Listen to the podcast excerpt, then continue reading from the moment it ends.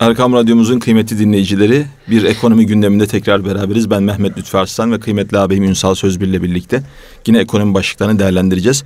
Hemen e, önümüze düşen haberlerden bir seçkiyle başlayalım isterseniz Ünsal abi hoş geldiniz. Hoş bulduk. Nasıl geçti haftanız? İyiydi biraz bu gripten dolayı e, biraz kırgınlık var ama iyi olacak inşallah. İnşallah. E, hep zaten ekonomide ümit üzerine malum. Umut fakirin ekmeği. Ee, olmazsa e, her şey bitmiş olur. evet. Şimdi e, Ünsal abi Merkez Bankası bu yılki enflasyon tahmininde değişikliğe gitmedi ama 2017 tahmini yüzde altı buçuğa yükseltti.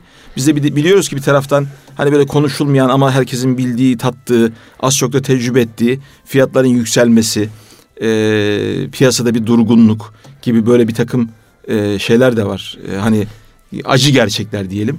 E, bu bağlamda yani müşterinin ya da tüketicinin dışarıda maruz kaldığı bu fiyat artışlarıyla falan beraber düşünüldüğünde bu Merkez Bankası'nın enflasyonu yükseltme e, tahmini yükseltmesini nasıl değerlendirebiliriz? Şimdi e, merkez bankalarının ana görevlerinden bir tanesi bizim Merkez Bankası'nın kanununda da yazar. Fiyat istikrarının sağlanması. Yani bir ülkedeki fiyatlar genel seviyesindeki dengenin olması Merkez Bankası'nın ana görevlerinden bir tanesi. Dolayısıyla biz her sene Merkez Bankası'nın açıklayacağı enflasyon hedeflemesini yani yüzde kaçı tutturacağı noktası bu önemli bir belirleyici. Yani e, uzun yıllardır Türkiye'de bir yüzde beş e, enflasyonu tutturma hedefi var. E, maalesef e, bu gerçekleşmiyor. Yani bazıları bizden kaynaklanan sebeplerle bazıları da uluslararası gerekçelerle işte kur savaşlarından kaynaklanıyor. İşte girdi maliyetlerinin başta işte petrol ürünler olmak üzere girdi maliyetlerinden kaynaklanan bir hedef sapmaları vardı. Dolayısıyla bizim o yüzde beş dediğimize en yakın olan zamanlar yüzde yediler. Yüzde yedinin biraz altı gibi bir görünür gibi oldu. Ama genellikle yüzde sekiz ve üzerinde. Dolayısıyla Merkez Bankası bu sefer gerçekçi yaklaştı. Yani yüzde beş hedeflemesinin e, yani gerçekçi olmayacağını. Çünkü burada biraz yalancı çoban pozisyonuna düşmemeniz lazım. Yani yüzde beş diyorsunuz. Hiçbir zaman yüzde beşi tutturamıyorsunuz. Dolayısıyla burada biraz daha gerçekçi yaklaşıp oranı biraz yükselttiler. Yani geçen seneye baktığımızda yine 8-8.50'ler 8.80'ler civarında. Yani e, buradan hedefle yüzde altı buçuk bu rakamlarla kıyasladığımızda iddialı. Bir de ekstra bir şey oldu. Malumunuz işte bu kurlardan kaynaklanan şeylerle. işte bizim e, Nuriye Hanım teyzenin yani ne oluyor siz hiç bundan bahsetmiyorsunuz dediği bir mevzu var. Yani Mustafa Bey amcayla Nuriye Bey, e, te, hanımefendiye de buradan e, selam çakalım. Selam gönderelim. Evet selamlarımızı Yani iletelim. bizim çünkü ekonomi gündemi programlarımızın artık onlar e, bundan sonra misafirleri olacak öyle gözüküyor. Öyle gözüküyor zaten başka da dinleyen yok galiba. Ama çok iyi yani hiç olmazsa iki kişi dinliyor. Biz de kendimizi onlara göre ayarlayıp ona göre üslubumuzu belki düzenlememiz gerekecek. Evet orada bizim e, Nuriye Hanım teyzenin söylemiş olduğu şey yani hiç şeyden bahsetmiyorsunuz. Ben her pazara çıkışımda ödediğim para artıyor ya da aynı parayla daha az şey alıyorum. Siz hiç bundan bahsetmiyorsunuz diyor. Evet bahsetmedik. Gerçekten de geçtiğimiz zaman zarfı içerisinde biraz tabii e, mevsimsel şeyler de oldu. Yani işte özellikle bu meyve sebze kısmında iklim şartlarından dolayı üretim tarafından buraya çok fazla ürünün gelmemesinden dolayı fiyatlarda bir artış oldu. Ama onun ötesinde asıl girdi maliyetlerinde çok ciddi bir artış var. O da dolardan mı kaynaklandı? Dolardan işte petrolden. Mesela biz herkes şey söylüyor işte petrol fiyatları 110 dolardan işte 50 dolara 40 dolara hatta 30 doların altına indi. Bizde niye ucuzlamadı? Ucuzlamaz çünkü o sırada kurlar 1.50'den işte 4'e kadar geldi. Dolayısıyla ana ürünün e, kendi fiyatındaki aşağı geliş kur farkından dolayı yukarı gitti. Ve biz yani bize, bize dolayısıyla petrolün düşüşü yaramadı yani. Yaramadı. Biz onu çok böyle gönlümüzce yaşayamadık. İki gerekçeyle yaşayamadık. Bir tanesi e, kurlardan dolayı yaşayamadık. İkincisi e, bizim mal sattığımız ülkeler petrol geliri olan ülkeler olduğu için piyasalarımızı kaybettik. Onun için petrolün düşmesine biz böyle oturup aa ne güzel çok güzel oldu falan diyecek bir e, ortamı yakalayamadık maalesef geçtiğimiz zaman içerisinde. Evet. E, bu Nuriye Hanım teyzenin aslında e, kaygılarını birçok ben üretici arkadaşlarla da konuşuyorum. Onlar da paylaşıyorlar. Herkes şöyle kendisini böyle bir e, tetiğe almış bekliyor ne olacak diye. Herkese bir iyi haber bekliyor ve ilginçtir bu iyi haber de böyle Atlantik ötesine şu aralar muhtemelen yemin töreninde konuşan e, Trump'tan bahsediyorum. Yani o Trump'tan gelecek haberlere mi kaldık Vallahi abi? Çok çok ümit var olmamak lazım. Aslında yani iç gerekçeler var. Geçenlerde Cumhurbaşkanımızın belirtmiş olduğu şey var. Yani tarlada 50 kuruş olan işte masaya nasıl 5 lira 6 lira 7 lira olarak yansıyor. Yani bu aracılıktan kaynaklanan işte sofraya gelen son kullanıcının önüne gelinceye kadar ki geçen o aracılık maliyetlerinin bir kısmının yani haklı gerekçelerle ama önemli bir kısmının da spekülatif ve her fırsatı değerlendiren gerekçelerle insanların e, hayatlarını pahalı hale getiriyor. Zaten e, bir taraftan işte aman küçük esnaf ölmesin, küçük esnaf ayakta kalsın diyoruz ama öbür taraftan da organize daha önceden de bunu konuşmuştuk hatırlarsanız perakende zincirlerin olması eğer iyi yönetiliyorsa biraz da böyle iskontolu bir yapı kurduğunuzda ülkedeki enflasyonun ve insanların geçim seviyesine birinci derece katkı sağlayan bir mevzu. Bu aracılık faaliyetlerinin olabildiğince minimize edilmesi ya da maliyetlerini azaltacak tedbirlerin alınması gerekiyor ki hem üretici sevinsin hem son kullanıcı sevinsin. Yani üretici ağlıyor 50 kuruş, tüketici ağlıyor 5 lira. E aradaki nerede? Aradaki işte o organizasyonu yapılması. Yani önümüzdeki zaman zarfını zannedersem bununla alakalı yani hükümette çok aktif olacaktır. E, Tarım Hayvancılık Bakanlığı'na e, zannedersem son konuşmalardan bir tanesine vazife verildi. Yani bu kadar şey olmamalı, yıpratıcı olmamalı diye mesajlar da verildi. Cumhurbaşkanımızın son yaptığı konuşmadan evet. bir tanesi de domates örneği vardı. Evet, evet. Tam da Nuriye Hanım teyzenin alakadar olacağı bir örnek o. Yani 1 liradan e, çiftçi veriyor 6-7 liraya burada mal oluyor. Aradaki e, belki o zincirleri. Bunlar aslında biz değer zinciri olarak adlandırıyoruz. Yani değer zinciri de işte abartmamak lazım burada. Yani evet. fahiş olan her şeyin işte e, hükmü belli yani. Fahiş olan her şey haram diye yaklaştığınızda yani evet kar olmalı. Bir, çünkü o organizasyon yani onun da bir maliyeti var.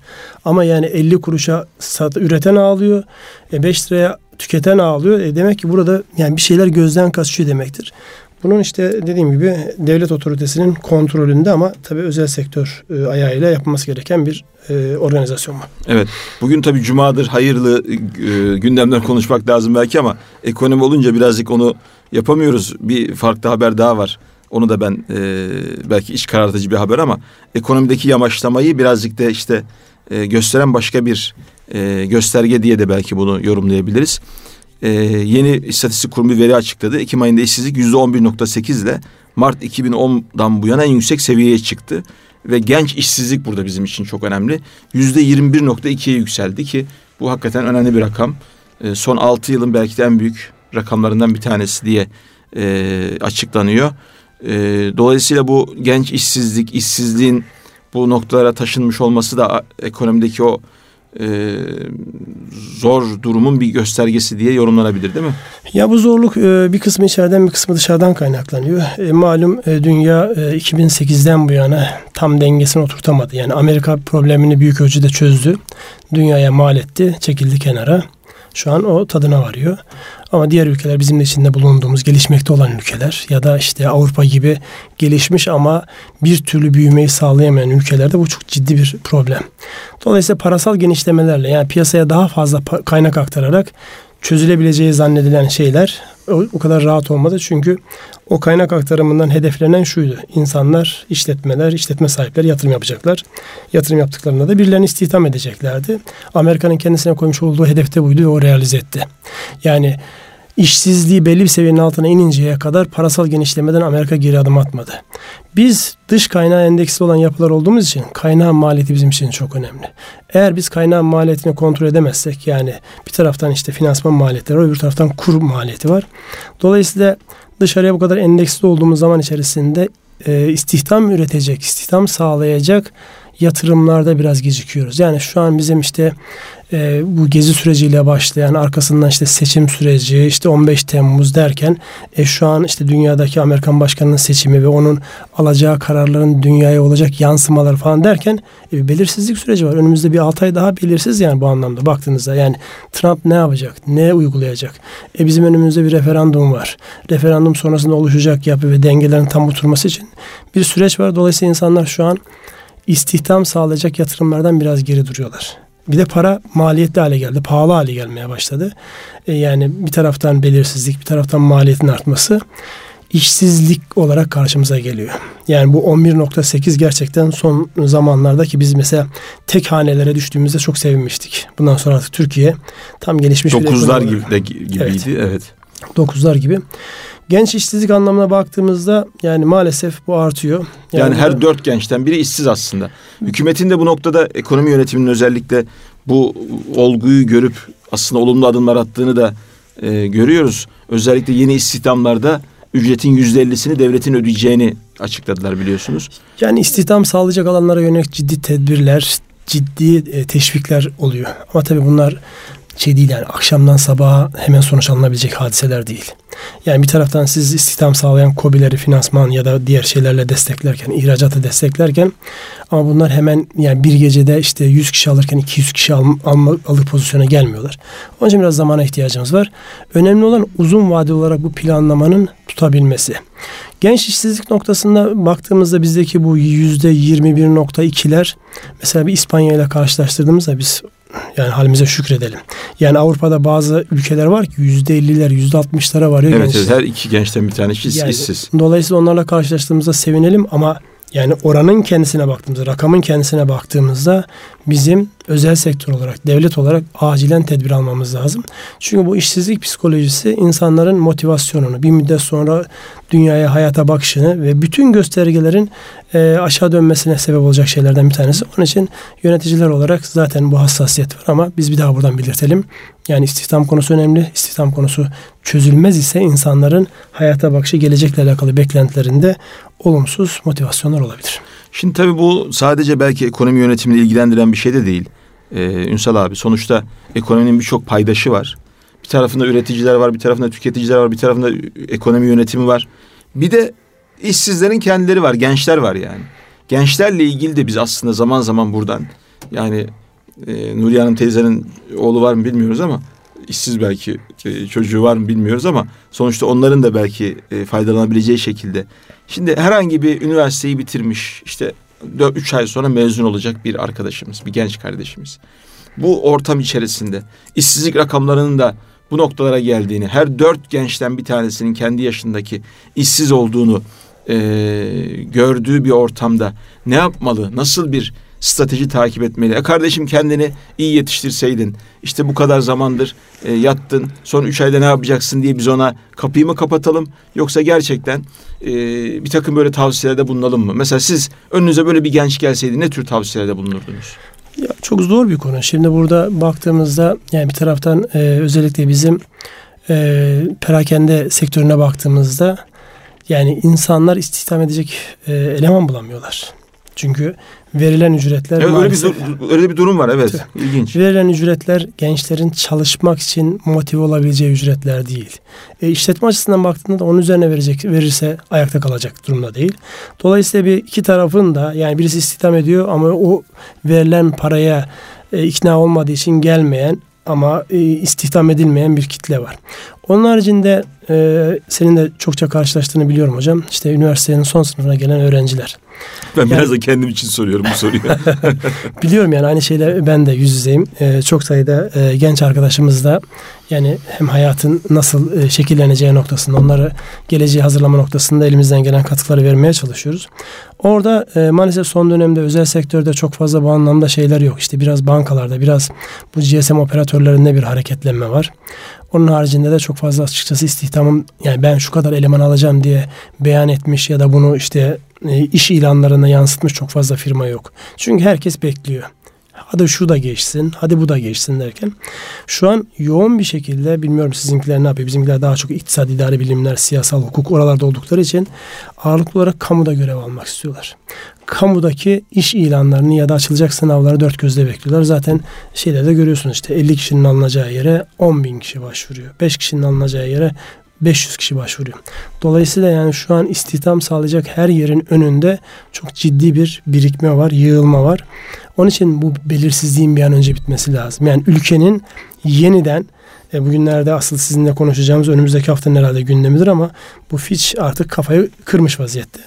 Bizim notu e, kıracak ve biz yatırım yapılabilir ülke olmaktan çıkacağız. Dolayısıyla öyle olduğu zaman bizim işimiz yani Tabii ki biz kaynağı yine buluruz ama kaynak daha pahalı hale gelecek. Kaynağın pahalı hale gelmesi yatırımın daha az olacağı anlamına geliyor. Yatırım az olunca da istihdam daha az olacak. O yüzden önümüzdeki yani günlerde... Yani günler kötüye gidecek. Özellikle yani bu inşallah gitmez.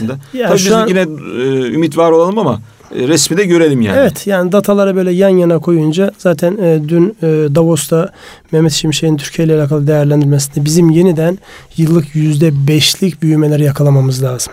Çünkü yüzde beşlik büyümenin altın, e, altında kalacak bir büyüme oranı genç nüfusu olan bu ülkenin insanına istediği işi aşı sağlamakta zorlanacağı anlamına geliyor. Yani e, hükümetin, otoritelerin bu konuda farkında olması iyi bir şey. İşte özel sektörün ve diğer unsurların da buna destekliyor olması lazım. Evet. Yani bu arada tabii çok da böyle e, direkt konuyla alakalı bir şey olmayabilir ama ben çok takdir ettiğim için ve gerçekten de önemsediğim için e, bir farklı haberden daha bahsetmek istiyorum. Türkiye İktisadi Girişim ve İş Ahlakı Derneği var İGİAD. O, bunlar geçen her sene yapıyorlar bu çalışmayı ama bu sene yaptıkları çalışmada 2017 yılında İstanbul'da 4 kişilik bir ailenin asgari geçim ücretini 2154 lira olarak buldular. Yani bu rakam geçen yıl 1950 liraydı dedi. Şimdi bu niye önemli? Çünkü gelir dağılımında müthiş bir adaletsizlik var. Ee, ve hep de bu adaletsizlik bir şekilde zayıf olanların aleyhine ilerliyor ki yani bu da çalışanlar işte asgari ücretle geçinmek zorunda kalanların belki e, şey, on, onlara patlıyor bu fatura. Ya bu da niye önemli diye düşünüyorum. Bilmiyorum siz ne düşünüyorsunuz bu konuda. Sonuçta hakikaten hak kaygısı olan bir işverenin asgari ücret olarak devletin belirlediği o rakam mı baz alacak yoksa e, mesela İGAD'ın kendine göre belirlediği bu rakam belki biraz daha adaletli, daha böyle e, hakkaniyet ve insaf ölçüleri içerisinde bir rakam gibi gözüküyor ama siz yine ben bu tarafta iş görenlerden olayım. Siz de işverenlerden olun. Valla e, arayı bulmaya çalışalım. İşverenlerden olmaktan dolayı herhalde benim yani benden nefret eden insanların sayısı artacak. Şimdi burada e, dediğiniz doğru yani gönül ister ki geçen defa da hatırlarsanız asgari ücretle alakalı konuştuğumuzda yani 8 dolarlık aylık ücret veren ülke de var. 1923 dolar veren ülke de var demiştik. Gönül ister ki biz 1923 dolar asgari ücret veren bir ülke olalım. Yani Türk lirası karşılığı müthiş rakam 6 bin liraya falan gelir. Hatta 6 bin liranın bile üzerinde. Şimdi bir de gerçek var. Yani hatırlarsanız bundan işte seçim döneminde e, şey iktidar ve muhalefet birbiriyle yarışa girdi. Asgari ücretin belli rakamın üzerine çıkarılması noktasında. O yapılan 300 liralık ya da 300 küsür liralık zammın işletmeler tarafından inanılmaz zorlanmalara sebep olduğunu ben gördüm. Yani zaten kar marjları dibe vurmuş. Yani kıt kanaat ayakta duran firmaların bir de üzerine gelen böyle bir maliyetler. Bu işveren tarafı. Ama işçi tarafından da baktığınızda yani işte bir kirada oturan bir ailenin işte okuyan çocuğunun olduğunu düşündüğünüzde yani böyle 1300 liraların 1400 liraların o ailenin geçimini sağlayamayacağı da gün gibi ortada. Yani burada ne kalıyor geriye? Tam böyle yani yağmur yağsa da dua eden, yağmasa da dua eden, yani ikisine de dua eden konuma geliyoruz. Yani burada hem işvereni ayakta tutacak hem çalışanlara bu anlamda destek sağlayacak bir yapıya ihtiyaç var ama yine aynı şeyi söylüyorum. Bu, bugünden yarın olabilecek bir hadise değil. Türkiye işte bu Gini kat sayısı dediğimiz gelir dağılımının ölçüldüğü şey noktasında e, maalesef şu anki durumu çok e, parlak değil. Yani en azından yani çok iyi kazanan insanlarla daha seviyesindeki insanlar arasındaki uçurum sizin de dediğiniz gibi bu sebeplerden dolayı artıyor. Yani dün daha şeyken daha pozitife giderken ama işte bu belirsizliklerden dolayı yatırımlar geciktikçe ve insanlara sağlanan e, gelir katkılar azaldıkça maalesef bu uçurum açılıyor. Evet. Yani bugün hep böyle karamsar haberler konuşuyoruz. Ya iyi bir şey konuşalım evet hocam ya. ya ben de böyle bir gerildim açıkçası. Var yani. mı sizde iyi bir şey? Bende çok fazla iyi bir şey yok. yani akşam akşam şeyin e, dünyanın seçilmiş yeni kralının e, şeyini seyredeceğiz. Seremonisini seyredeceğiz. Ya o da ne kadar ilginçtir. Özellikle Hollywood Gerçi hep Hollywood Demokrat Parti'yi desteklemiştir. O e, ilginç bir şeydir o. E, Birçok işte sanatçı Amerikalılar için çünkü popüler kültür figürleri çok önemlidir. E, Trump'ı protesto ediyorlar. E, o da dünyanın en meşhur adamı. O gün orada olacak. Onlar gelse ne olur, gelmese ne olur diye bir açıklama yapmış. Yani, gerçekten alay ediyor. E, değil ya, mi? Bir taraftan alay ediyor, bir taraftan da yani gerçekten herkesin merakla beklediği bir şeyi benim dikkatimi çeken başka bir şey oldu. Yani herkes o seremoniyi merak ediyor. Yani ne olacak işte nasıl yemin edecekler? Kim neresinde duracak? İşte Obama'nın yüzü ne olacak? Asıl benim merak ettiğim şey şu. İki tane firma, sadece iki firmanın açıklamış olduğu rakam 90 milyon dolar bu seremoninin yapılabilmesi için harcanan para. Sadece iki firmanın vermiş olduğu destek. Bunlar şey, Chevron'la e, bir başka firma şu an ismi aklıma gelmedi. Exxon'dur muhtemelen. Yani Exxon şeyden dolayı Dışişleri Bakanı olacak olan kişiden dolayı olmayabilir belki. Çok birebir linklemeyebilir ama önemli olan şu. Amerika iki tane büyük firma bu tören yapılsın diye insanların işte yani bizdeki o eski Osmanlı'daki o cülüs e, şeyindeki padişahların işte taht e, tahta gelmelerinin desteklenmesi gibi hani hep Osmanlı'ya dönüp dönüp vuruyor birileri. Alın size işte tarihi bir şey. Sabahleyin bir şey dedim. Düvercin bir şey var. Siyaset bilimci, ünlü bir e, evet. siyaset bilimci. O şey diyor. Artık diyor eskiden babadan oğula geçen krallar devri bitti. Seçilmiş krallar devri. E şu anda seçilmiş kralların ekonomik ve siyasi güç olarak en önemlisi e, Trump o da herhalde tahta oturuşunun ya da başa gelişinin e, tadına varacaktır yani. Evet. Bir Avrupa sanki bu şeyden geri kaldı. Ee, orada da sanki böyle e, Putin tarzı, Trump tarzı liderler çıkacak. Çünkü Yakındır. tarih zorluyor onu, konjonktür zorluyor. Ama bu arada da Avrupa Birliği çatır çatır çatır diyor. Özellikle İngiltere'nin Brexit'le yani e, birlikten çıkma e, stratejisinde geçenlerde e, Amerika İngiltere'nin başbakanı bir 12 maddelik bir e, paket halinde ortaya koydu. E, isterseniz bir ara verelim Ünsal abi. Bunu e, bir sonraki e, ara, aradan sonraki zamanda konuşalım. E, ekonomi gündeminde efendim Ünsal Sözbir ağabeyimizle ben Mehmet Lütfarslan. E, birazdan sizinle tekrar beraber olacağız. Kalbimizin frekansı Erkam Radyo'da. Erkam Radyomuzun kıymetli dinleyicileri ekonomi gündeminde tekrar beraberiz. Ben Mehmet Lütfarslan ve kıymetli ağabeyim Ünsal Sözbir ile birlikte ekonomi haberlerinden e, önümüze düşenleri, ilgimizi çekenleri, sizin için önemli olduğunu düşündüklerimizi paylaşmaya gayret ediyoruz. E, biraz önce ara verirken Avrupa Birliği'ni gündem etmiştik. Oradan İngiltere'nin özellikle Avrupa Birliği'nden çıkışı e, biliyorsunuz bayağı bir gürültü koparttı. Ama buna rağmen İngiltere geri adım atmayacağını açıkladı.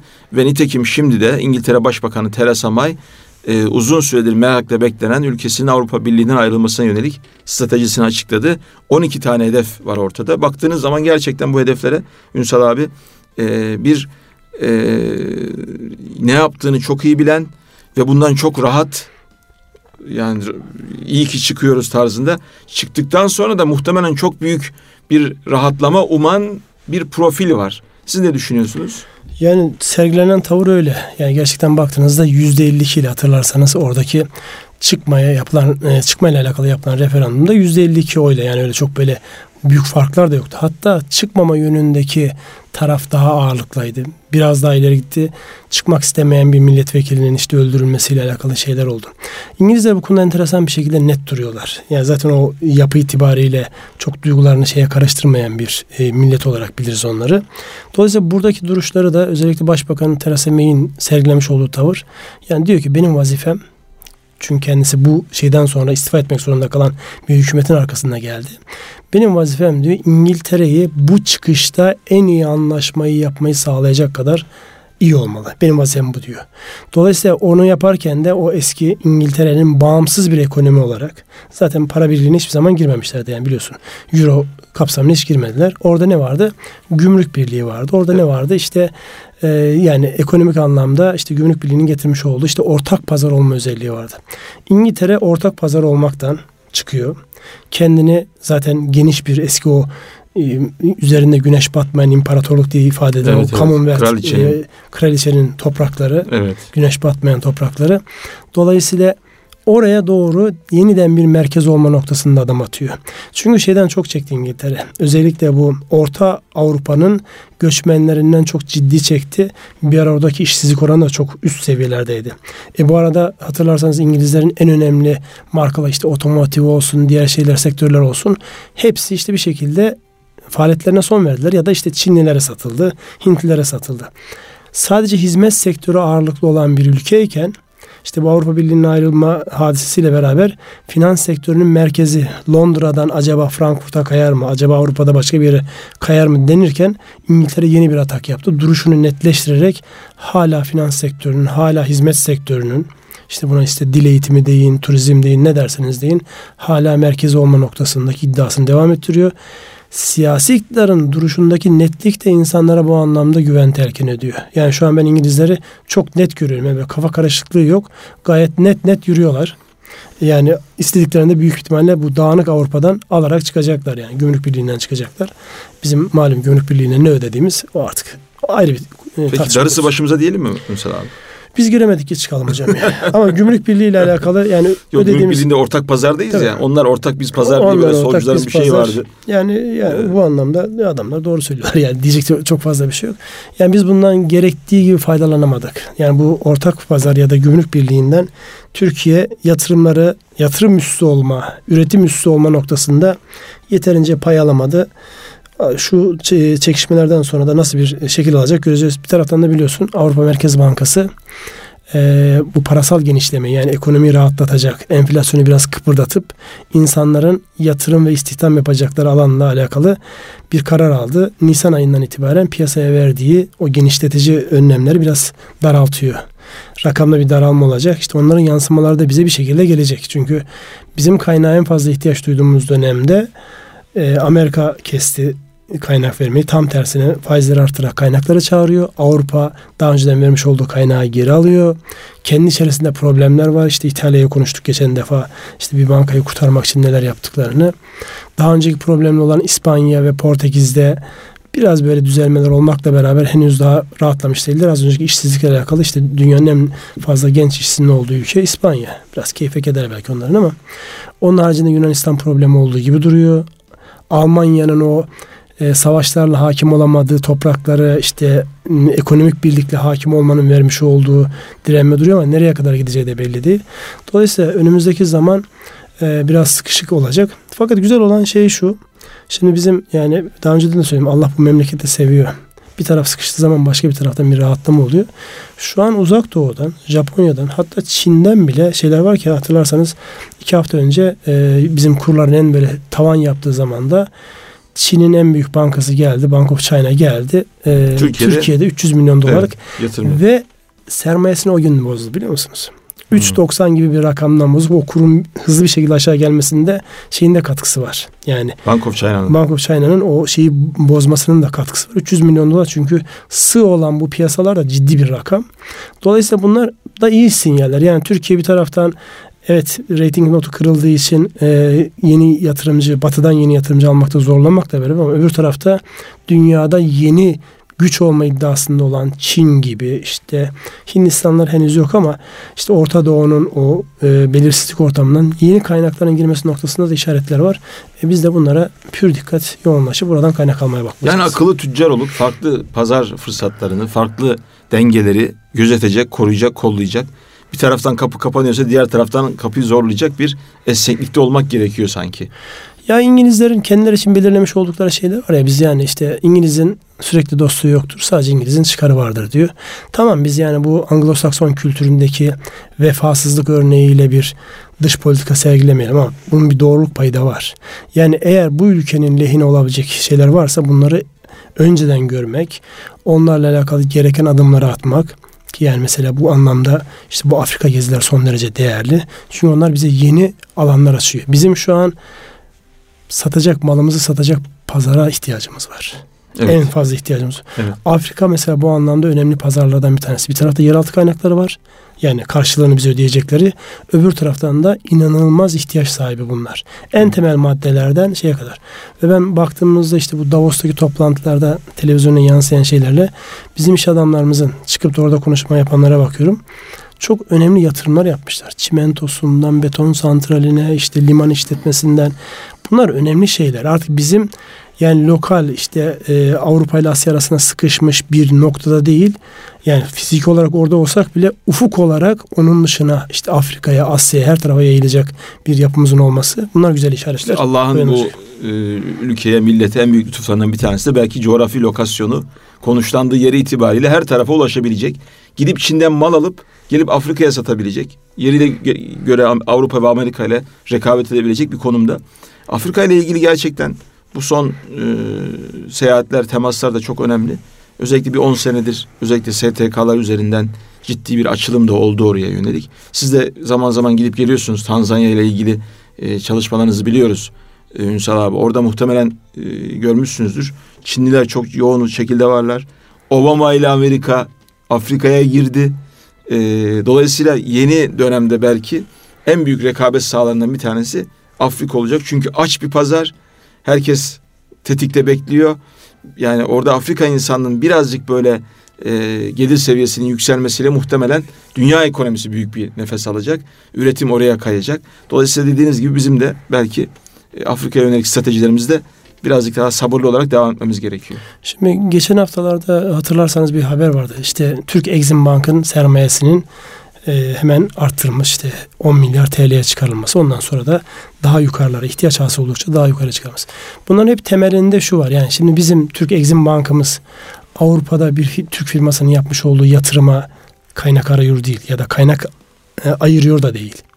Nereye yapıyorsunuz? Bunu Afrika'ya yapıyorsunuz. İşte Afrika'da şu an bir tren yolu, metro çalışması var. Bir büyük müteahhitlik firması orada o çalışmayı yapıyor. Bir yerde işte bir çimento fabrikası var, bir yerde liman var. E zaten hastaneydi, diğer şeyler.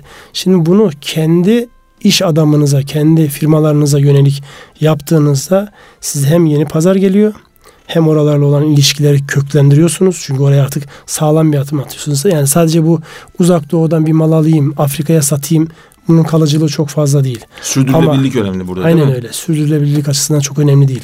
Ama siz gidip oraya yatırımınızı yaptığınız zaman atıyorum mesela işte Doğu Afrika'nın göbeğindeki işte büyük bir limanın işte Darüsselam limanının işte düşünün yani şu an öyle değil. Zanzibar'daki liman Türk firması tarafından işletiliyor ama Darüsselam'daki bütün Orta Afrika'nın mal tedarikini sağlayan limanın sizin kontrolünüzde olması sizin her anlamda elinizi kolaylaştırır. Nereye nasıl gideceğinizi, ne yapacağınızı. E sadece orada mal satmıyorsunuz. Orada yatırım yapmıyorsunuz. Orada inanılmaz yeraltı kaynakları var. Ben mesela Tanzanya'ya gittiğimde şunu gördüm. Tanzanya Mozambik sınırındaki e, yakın zamanda zannedersem Cumhurbaşkanımızın seyahat şeyinde orası da var. Mozambik sınırında inanılmaz e, doğal gaz yatakları bulundu ve bunlar henüz daha dünya doğal gaz e, yatakları ya da doğal gaz rezervi anlamında sayılan yerler değil. E şimdi siz orada bir firma olarak eğer bu işi çıkaran ya da çıkaranlarla beraber çıkaran bir konumuna gelirseniz, o ülkelerle doğru diyalog kurarsanız hem pazarınız olur hem oradan istediğiniz e, e, kaynağı elde etmiş olursunuz. Yani verdiğiniz malın karşılığında başka bir şey almış olursunuz. Dolayısıyla bunlar önemli açılımlar. Bu arada Gambiya'da da bir takım e, gelişmeler oldu. E, yeni bir başkan seçildi. E, mevcut başkan e, şeyi terk etmek istemiyor. E, seçilmiş başkan bu arada Senegal'de yemin etti. E, askeri operasyon başlattı Batı Afrika Devletleri Ekonomik Topluluğu. Amerika bunu destekliyor. Yani bunların da aslında ekonomik bir şeyi var. E, bir bağlamı Hepsi var. Hepsi ekonomik bir yansıman yani. Oradaki en büyük ülkelerden bir tanesi Nijerya. Yani garibim o ülkenin yeraltı zenginlikler anlamında dünyanın en zengin yeraltı kaynakları özellikle petrol ve doğal gazda çok ciddi kaynakları var. Fakat ülkeye uğramadan borularla limana limandan dünyaya açılıyor. Dolayısıyla burada tabii ki bir güç savaşı var ve oradaki o topraklardaki insanlar oluşan bu kaynakların kendilerine dönmesini istiyorlar. Ya da işte tarım yapılıyor. Yani bir ülkede o ülkede hiç tüketilmeyen bir ürün üretiliyor. Yani devasa topraklar, milyon milyon metrekarelik topraklarda işte Avrupa'nın kullandığı bir e, meyve ya da sebze bir şey üretiliyor. O ülkeye faydası olmadan sadece orası üretici olarak kalıyor. Bir müddet sonra bunlar ister istemez bir dönüş olacak. Yani bu tip kaynakların kontrolünde tabii ki güç olanlar kendi kontrolünde olan insanlar isteyeceklerdir. Ama burada da bir evrilme olacak. Bizim yani her beyazı aynı şekilde görmemeler lazım. Bizim kendi tarihimizden gelen gittiği yerleri sömürmemiş. Tam tersine merkezdeki bütün kaynakları gittiği yerlere ayrılmış mantığımızla biz buralarda ciddi mesafe kat edebiliriz. Evet ben bunu 10 sene önce yaşamıştım Ünsal abi. E, Gine'ye gitmiştik. Batı Afrika e, devletlerinden bir tanesi. Orada kıpkırmızı toprak. Boksit diye bir maden çıkartılıyor. Yani e, toprak neredeyse boksit fışkırtıyor. Ama dediğiniz gibi e, hiç toprak ülkenin kendisi bundan istifade edemeden e, limana bir şey çekilmiş hat çıkartılan boksit doğrudan Fransa'ya taşınıyor. E, çok ciddi bir Fransa'nın orada ekonomik sömürgeciliği devam ediyor. Bu anlamda sömürgecilik ekonomik anlamda devam ediyor ve götürdüğümüz iki veya üç tane büyükbaş hayvandı bir e, Kur'an kursuna götürdüler bizi kadınların idare ettiği. Bir tane hanımefendi çıktı orada konuşma yaptı ve konuşurken de ağlamaya başladı. E, hemen sorduk yandaki tercümana niye ağlıyor bir, bir sorsanız diye. Dedi ki e, diyormuş ki daha doğrusu ben oğlumu geçen sene Almanya'ya gönderdim. E, nasılsın oğlum ne yapıyorsun diye soruyorum. Anne biliyorsun biz siyah olduğumuz için çok ciddi bir ayrımcılık var. Fakat iki tane Türk aile var. Bizim her fırsatta halimizi hatırımızı sorarlar. Bizi yemeğe davet ederler. Bizimle ilgilenirler. İşte bak dedi siz Türkler dedi hep böylesiniz dedi. Şimdi dedi bize dedi kurban getirdiniz dedi. Bizden almaya değil bize vermeye geldiniz dedi. Yani bu anlamda gerçekten e, bize yönelik bakış, bizim de onlara yönelik bakışımız e, bir e, gelecek vaat ediyor ama bunun hani hep Cumhurbaşkanımızın da kullandığı ifadeyle win-win stratejisine dönmesi için onlarda da bir tür böyle şeye ihtiyaç var.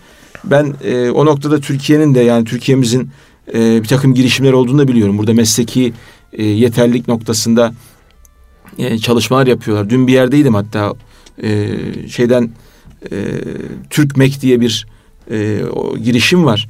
E, mesleki e, eleman yetiştiriyor Afrika'ya.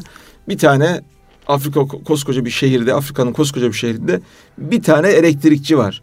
Yani ve 100 dolar ücret alıyor elektrikçi. Başka adam yok yani. Elektrikçi olmayı aklından geçiren yok. Alıp da birilerini siz bir meslek lisesine getirip burada elektrikçi olarak yetiştirip geri götürdüğünüz takdirde adamlar abad olacaklar. Ve şu an Türkiye bunu da yapıyor. Bunları da düşünüyor yani hamdolsun. Ee, bu bağlamda yapılan çalışmalar çok kapsamlı gidiyor. Oradaki sadece bir takım kaynakları kapmak ya da oraları e, inhisar altına almak değil. Aslında bir milletin uyanışına öncülük etmek gibi büyük bir zor ve görev inşallah muvaffak oluruz diye İnşallah bizim dua burada, ediyoruz. Bizim burada tabii yani e, sürekli kaynak aktarabilecek pozisyonda değiliz. Yani eğer o kazan kazan mantığıyla yaklaşmazsak yani sadece veren değil veren alan birlikte kazanan bir yapı oluşturursak sürekliliği olabilir, sürdürülebilirliği olabilir. Yani şu an baktığımızda geçenlerde yine Doğu Afrika ile alakalı orada işte bir serbest ticaret alanının oluşturulması, oradaki ticaretin ortaklaşa yönetilmesi gibi noktalarda bizde var olan bilgi birikiminin oraya aktarılması ve o insanlarda da yani e, geleceği olan, sürdürülebilirliği olan firmaların oluşturması noktasında adımlar atılıyor ki bunlar ülke adına sevindirici şeyler. Ama dediğim gibi bunlar hep böyle uzun soluklu koşu bu. Böyle bugünden yarın olacak şeyler değil. Ama bu uzun soluklu koşular olmazsa da bugün olmaz zaten. Evet. Ee, tabii bu ekonomi gündemine bu, bu haftaki e, çok böyle karamsar haberlerle başladık ve karamsar devam ettik ama e, ben iyimser mi diye bir e, haberden daha bahsedeyim. Öyle bitirelim isterseniz Ünsal abi. Yabancıların devlet tahvillerine ilgisi üç kat artmış. Bu da mı yoksa karamsar bir haber? Yok karamsar haber değil. Yani burada e, yabancıların yani şimdi tam böyle hem de Türkiye'nin notunun kırılma konuşulduğu dönemde yani önümüzdeki hafta bu kuvvetle muhtemele öyle bir gelişme olabilir. Tam böyle bir dönemde e, insanların ilgi göstermesi ülkenin ne kadar güçlü bir hikayesinin olduğunu gösteriyor. Zaten e, bu e, finansal piyasalarda şöyle bir e, şey anlatılır. Bir yere ya da bir firmaya ya da bir ülkeye yatırım yapmak için bir çok güçlü bir hikayesinin olması lazım gerekir deniyor. İkincisi finansal göstergelerin e, evet yani bazı olumsuzluklar olsa dahi birkaç rötuşla düzelebileceği ya da daha iyi olabileceği noktasında işaretler veriyor olması lazım. Bir de parlak bir geleceğinin olması lazım. Baktığında Türkiye'nin çok iyi bir hikayesi var. Yani imparatorluktan gelen, şekil değiştiren, genç, dinamik nüfusuyla bir e, hikayesi var. İkincisi finansal verilerimize baktığımızda ekonomimiz ilk 20 ekonomi içerisinde ve büyümeye devam ediyor. Her şeye rağmen büyümeye devam ediyor. Üçüncüsü de bu ülkenin yetişmiş insanı ve vizyonu gelecekte iyi hikayeler yazabilecek, gelecekle alakalı ümit var hikayeler yazabilecek noktada işaretler veriyor. Dolayısıyla bütün olumsuzlukları bir kenara bırakıp sadece bunlar bile bizim yani bu olumsuzluk konuştuğumuz şeyler bizi aşağı çeken şeyler olmamalı. Tam tersine bunlara bakıp geleceğimizin, parlak olan geleceğimize doğru yürümemiz gerekiyor. Evet Davos'ta zaten Mehmet Şimşek de biraz önce bahsettiniz siz. Türkiye'nin önümüzdeki dönemde yıldız olma yolunda yeni adımlar atacağını belirtmiş. Ve İnşallah. demiş ki bizim şu anki tek kelimeyle özetleyebileceğimiz e, Türk ekonomisinin e, görünümü dirençliyiz demiş. Yüksek direnç ifadelerini kullanmış. Dolayısıyla hem ümidimiz var hem de direniyoruz. Cenab-ı Hak inşallah çok güzel günlerde gösterecek diye dua yani ediyoruz. Bunun en önemli göstergelerinden geçen hafta, e, geçen senenin şeyler açıklandı. Bütçe denklikleri açıklandı. Tam planlandığı gibi realize oluyor. Bütün olumsuzluklara rağmen siz bütçenizi denkleştiriyorsanız yani bunu ev ekonomisinden baktığımızda yine bizim Mustafa amca ve Nuriye Hanım teyze e, örneğinden gittiğimizde eğer gelirle gider arasında hesapladığınızdan daha kötü bir şey yoksa e, geleceğe umutsuzca bakmanız gerektirecek herhangi bir şey yok. Tam planladığınız gibi gidiyor. Hamdolsun. O açıdan da iyi Türkiye. Evet. Efendim inşallah biz yine iyiye bağladık, güzele bağladık. Hep iyi ile güzelle olalım. Ee, bu temennilerle bir ekonomi gündeminin sonuna daha gelmiş olduk. Ee, Ünsal abimize çok teşekkür ediyoruz. Bir sonraki ekonomi gündeminde yani gelecek hafta Cuma günü saat 19'da yine sizi buraya bekliyoruz efendim. Erkam Radyo kalbimizin frekansına. Hayırlı akşamlar diliyoruz. Hayırlı akşamlar olsun.